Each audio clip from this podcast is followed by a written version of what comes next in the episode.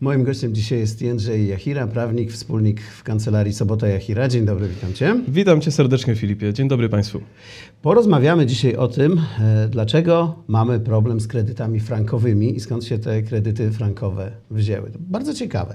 W Polsce mamy od dawien dawna, kiedyś były marki, ok, ale od dawien dawna złotówki, aż tu nagle w latach 2000, tak je nazywamy, okazało się, że bierzemy kredyty we frankach szwajcarskich. Dlaczego nie w forintach węgierskich albo na przykład w lejach rumuńskich, tylko we frankach szwajcarskich? Z tym frankiem to jest tak, że jak zwykle wszyscy o nim słyszeli, ale go nigdy nie widzieli. Trochę jak Yeti, tak żartujemy przynajmniej e, w kuluarach e, prawnych.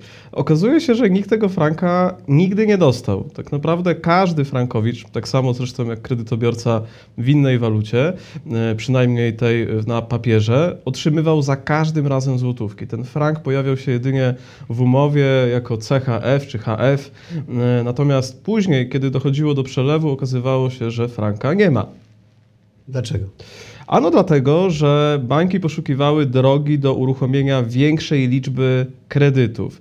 Problemem, e, zwłaszcza w tych e, latach początkowych XXI wieku, był brak zdolności kredytowej wielu osób. Przynajmniej ten brak takiej zdolności e, w ocenie banków, bo często były to osoby, które miały stałe zatrudnienie i już mimo wszystko całkiem niezły poziom wpływów, ale mimo wszystko ta złotówka była zawsze gorzej oprocentowana, a zdolność Znaczy kredytowa. No właśnie tak, zawsze ten wskaźnik WIBOR, który no niestety, ale był e, chimeryczny i w zależności od tego, e, jaki kryzys i jaki rząd, e, taki WIBOR można powiedzieć. Zwłaszcza biorąc pod uwagę też odmienne strategie, jeżeli chodzi o między innymi Narodowy Bank Polski. I co to spowodowało? Że oto nagle istnieje możliwość, żeby otrzymać kredyt niżej oprocentowany, dalej w złotówkach, no ale niestety z tym małym mykiem. mankamentem, mykiem, drobnym druczkiem, że we franku. Chociaż złotówkach. A dlaczego swoją drogą wybrano te franki? Bo e, przecież e, były już euro, waluta w końcu bliższa nam pewnie, bo z Unii Europejskiej. Były dolary, które zawsze były uniwersalnym środkiem płatniczym e, na świecie, a tu nagle frank szwajcarski. No tak, to znaczy tak, peweksów już nie było, no nie. to po pierwsze. Po drugie, jednak to był początek drogi naszego kraju na głębokich oceanach i morzach Unii Europejskiej. Polska była, weszła do Unii w 2004 E, roku i to euro mimo wszystko chyba kojarzyło się Polakom jako taka waluta, którą zaraz trzeba będzie przyjąć, będziemy zarabiać mniej, to wszystko nie będzie takie pewne. Znaczy ludzie bali się tego euro bardziej niż franka? Tak, moim zdaniem ludzie jednak bardziej obawiali się euro. Z osobami, z którymi e, na co dzień rozmawiam wśród moich klientów, e, często pytam właściwie, dlaczego frank, czemu nie próbowali poszukać innej waluty, tej bliższej właśnie, chodziło mi zawsze o euro. Odpowiadają, że euro w ich ocenie było bardziej e, nieprzewidywalne niż frank szwajcarski. I to właściwie też dlatego, że stworzono mit e, franka szwajcarskiego jako najbezpieczniejszej waluty na świecie. Marmur po prostu. Tak? Marmur, y, Nic tak, się waluta, nigdy z tym nie wydarzy. waluta z marmuru. E, no, niby Szwajcaria rzeczywiście zawsze była takim państwem, które e, nie do końca w Unii Europejskiej, tylko w umowach międzynarodowych.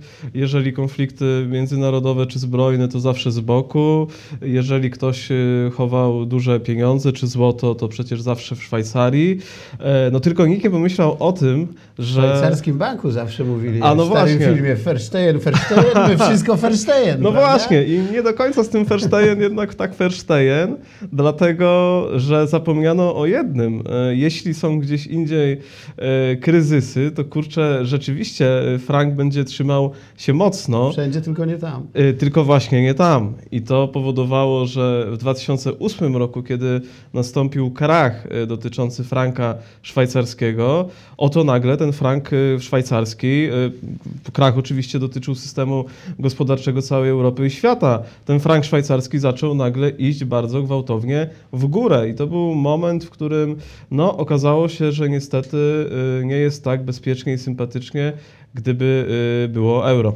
No właśnie, a swoją drogą można było wtedy wziąć y, kredyt w euro, chyba w dolarach też, jak to było? Oczywiście, Są że tacy, tak. którzy mamy, dzisiaj mają z tym jakiś problem? Mamy wśród klientów i tutaj rzeczywiście są to najczęściej osoby z wykształcenia, e, z wykształceniem ekonomicznym, to są często finansiści, którzy to przewidzieli. Mhm. Tylko to są eksperci, to są osoby, które e, idąc do banku nie oczekiwały jasnej instrukcji, proszę wziąć kredyt we franku, tylko e, twardo i zdecydowanie zakładali, że oni wiedzą lepiej. Bo Aha. kolejnym problemem to właśnie było, był sposób przedstawiania przez doradców kredytowych tego, jaki kredyt jest najbezpieczniejszy, czyli element perswazji. Ten frankowy był tak y, pokazywany, ten- prawda, jako ten najlepszy. Wśród naszych klientów y, większość osób usłyszała, że jest to najbezpieczniejsza i najstabilniejsza waluta we franku, tylko głupi by nie wziął takiego kredytu. W złotówkach oprocentowanie, nie wiem, 8 czy ileś tam. Zdecydowanie prawda? tak. Tutaj zdecydowanie mniejsze. Z Wręcz- frankiem nigdy nic się nie działo. Porównywali y, doradcy kredytowi sytuację polskich frankowiczów do tego, jak czują się pewnie Szwajcarzy.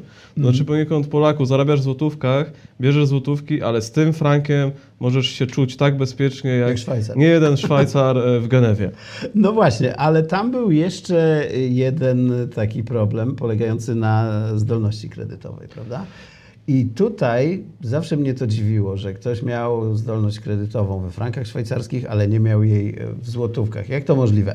W czym wyrazimy kwotę, nie wiem, dajmy na to 300 tysięcy złotych? Wszystko jedno, to, to jest w końcu dalej 300 tysięcy złotych. W złocie, w diamentach i w dolarach i we frankach. Ja myślę, że w tym przypadku akurat y, sama definicja zdolności kredytowej i to, w jaki sposób była postrzegana, postrzegana, to niestety główny mankament tego problemu.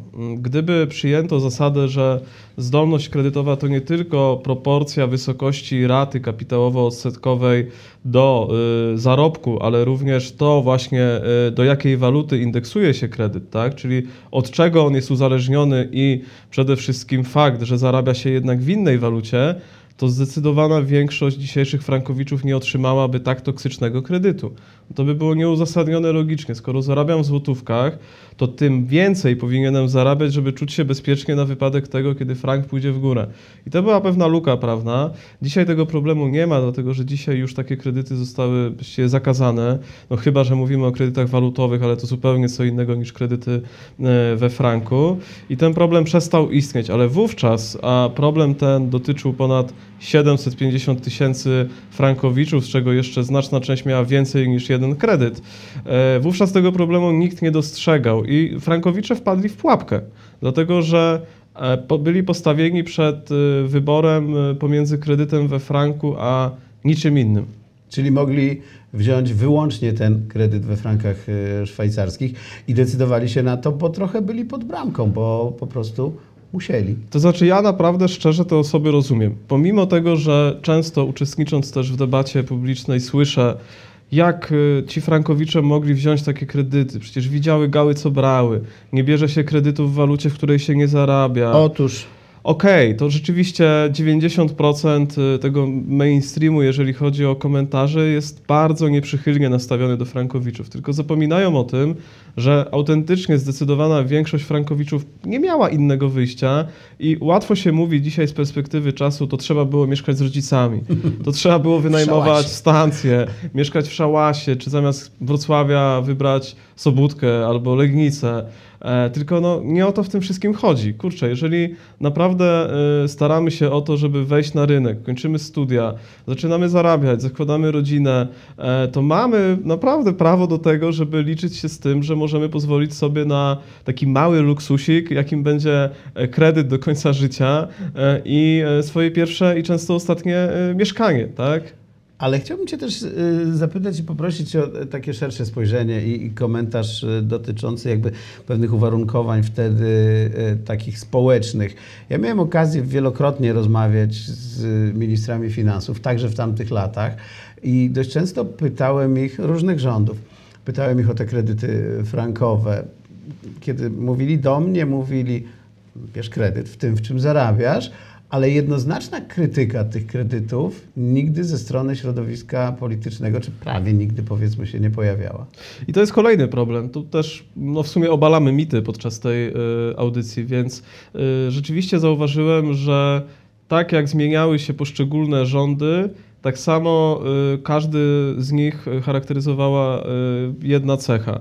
Że nic z tym nie zrobili. Od prawa do lewa, prawda? Od prawa do lewa, absolutnie bez względu na sympatie polityczne, albo tego problemu w ogóle nie dostrzegano w debacie publicznej, albo obiecywano podczas kampanii prezydenckich, że ten problem wreszcie zostanie rozwiązany. Zagłosujcie na nas, bo wprowadzimy Ale to jest po, ustawę. po, po krachu. Tak To już było po krachu, natomiast przed krachem ewidentnie można zauważyć e, takie przespanie problemu. To znaczy, że e, w momencie, w którym już niektórzy e, obserwatorzy czy prawnicy sygnalizowali, będzie problem, bo nadciąga kryzys, a sposób, w jaki te umowy są e, ukształtowane jest mocno e, wątpliwy, to wtedy nikt z tym nic nie robił. Dopiero w 2011 roku, kiedy frank szwajcarski rzeczywiście już był e, znacznie bardziej ceniony u nas w kraju, zresztą w całej Unii Europejskiej, to pierwsze sądy takiej ogólnej kompetencji, czyli sądy ochrony konkurencji i konsumenta w Warszawie, tutaj sędziowie stwierdzili, że no tak, takie klauzule to są zakazane, ale na przyszłość. No tylko mleko się wylało. Tak, swoją drogą, e, ciekaw jestem Twojej opinii. Gdyby, e, oczywiście ciocia miała wąsy i tak dalej, ale gdyby e, nie było tego krachu mm, związanego z frankiem, krachu, no po prostu jakby uwolnienia kursu tego franka w Szwajcarii, to jednak te kredyty by się opłacały ludziom, prawda? No tak, te kredyty by się e, rzeczywiście mogły opłacać, tyle tylko, że banki i tak mogłyby wtedy zarabiać znacznie więcej niż zakładały na początku bez względu na wzrost kursu franka szwajcarskiego. Problemem nie było to, że te kredyty były e, zaindeksowane do waluty obcej. Nie było to jedynym problemem Mhm. przynajmniej. Problemem było to, że banki od samego początku skonstruowały umowy w taki sposób, żeby zawsze mieć możliwość e, większego e, zarobku, tak? Ja myślę, że ten frank po prostu dawał więcej tak zwanego luzu w nadgarstku bankom, prawda? I jak nie tak, to w inny sposób. Jak nie w inny, to w jeszcze kolejny. Tak, to można porównać, zresztą robię to od y, paru lat ze swoimi studentami. Y, Jak gdyby przystawić komuś broń palną y, do skroni, ale nie pociągnąć za spust. To znaczy, no jasne, nie strzelaliśmy. Nic mu nie zrobiłem. Y, Tak? Nic się nie stało, tak? Ale no, jednak trzymamy tą broń przy skroni i mamy cały czas możliwość pociągnięcia za ten spust w każdym możliwym momencie. Bank nie tylko tą broń trzymał, ale też niestety za ten spust pociągał, przynajmniej do 2008 roku, kiedy frank był na dość niskim poziomie. To było fantastyczne pole manewru do tego, żeby podwyższać wartość raty. To na pewno nasi słuchacze, którzy posiadają ten kredyt, doskonale pamiętają. Na początku rata na stabilnym poziomie, e, frank szwajcarski e, też e, dokładnie tak samo, a oto nagle rata wzrasta, nawet o 15% e, z kolejnymi miesiącami przypadającymi na dzień zapłaty. I rzeczywiście tak było. To możemy sobie też e, uświadomić, bo może nie wszyscy pamiętają, warto o tym wspomnieć, że powiedzmy rok 2008 mniej więcej to był frank, który potrafił schodzić poniżej 2 zł. No w ogóle schodził poniżej e, 2 zł. Jaki jest dzisiaj kurs, nie wiem, musiałbym sprawdzić. No tak, to znaczy- Dobrze ponad 4, prawda? To dobrze Więc- ponad 4, teraz frank rzeczywiście trzyma się tak stabilnie jak nigdy wcześniej. Mhm, Tylko tak. na dwa razy wyższym poziomie niż na początku.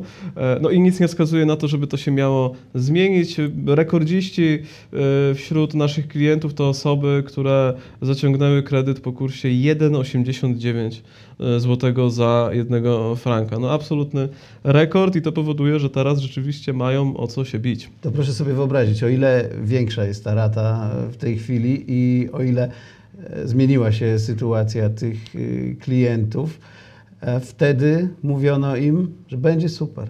Sytuacja jest kuriozalna, bo po często kilkunastu latach e, spłaty tego kredytu, te osoby w przeliczeniu na złotówki mają do oddania jeszcze więcej niż wzięły na początku. Wziąłem kredyt na 200 tysięcy i dzisiaj mam do oddania jeszcze ponad 230 tysięcy, licząc po e, kursie e, dzisiaj obowiązującym e, franka szwajcarskiego. Nie licząc tego, co już oddałem. Prawda? Nie licząc tego, co już oddałem, bo często oddaliśmy już e, ponad 200 tysięcy, tak? I znam takie przypadki, to są rzeczywiście dość e, dramatyczne e, sytuacje, więc ta sytuacja ogólnie rzecz biorąc jest trudna tej grupy Ta ludzi. sytuacja jest trudna, ale chętnie opowiemy też o tym, co można zrobić, żeby sobie z takim kredytem poradzić. Jędrzej Jachira, wspólnik w kancelarii Sobota Jachira. Bardzo dziękuję. Dziękuję.